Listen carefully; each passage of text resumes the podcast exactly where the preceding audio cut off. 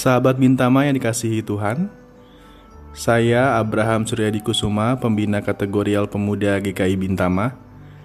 Hari ini mau mengajak kita untuk merenungkan tema Memandang Yesus.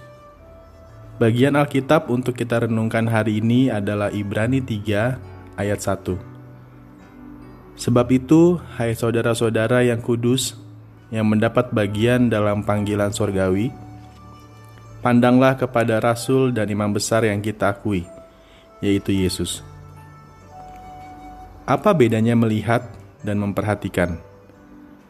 Melihat adalah cara kita untuk mengetahui keberadaan suatu objek dengan mata kita. Misalnya, kita melihat meja di depan kita, atau kita melihat cahaya matahari yang masuk melalui jendela kita. Namun, memperhatikan lebih dari sekedar melihat memperhatikan membutuhkan mata dan hati. Oleh karena itu, memperhatikan memiliki kata dasar hati. Contohnya, seorang yang memperhatikan seekor hewan yang terlantar di pinggir jalan dapat tergerak untuk memelihara dan merawatnya. Penulis surat Ibrani mengajak pembacanya untuk memandang Yesus.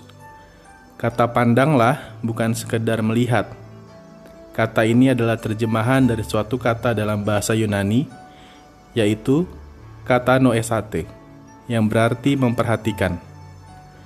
Memperhatikan Yesus berarti kita mengarahkan hati kepadanya.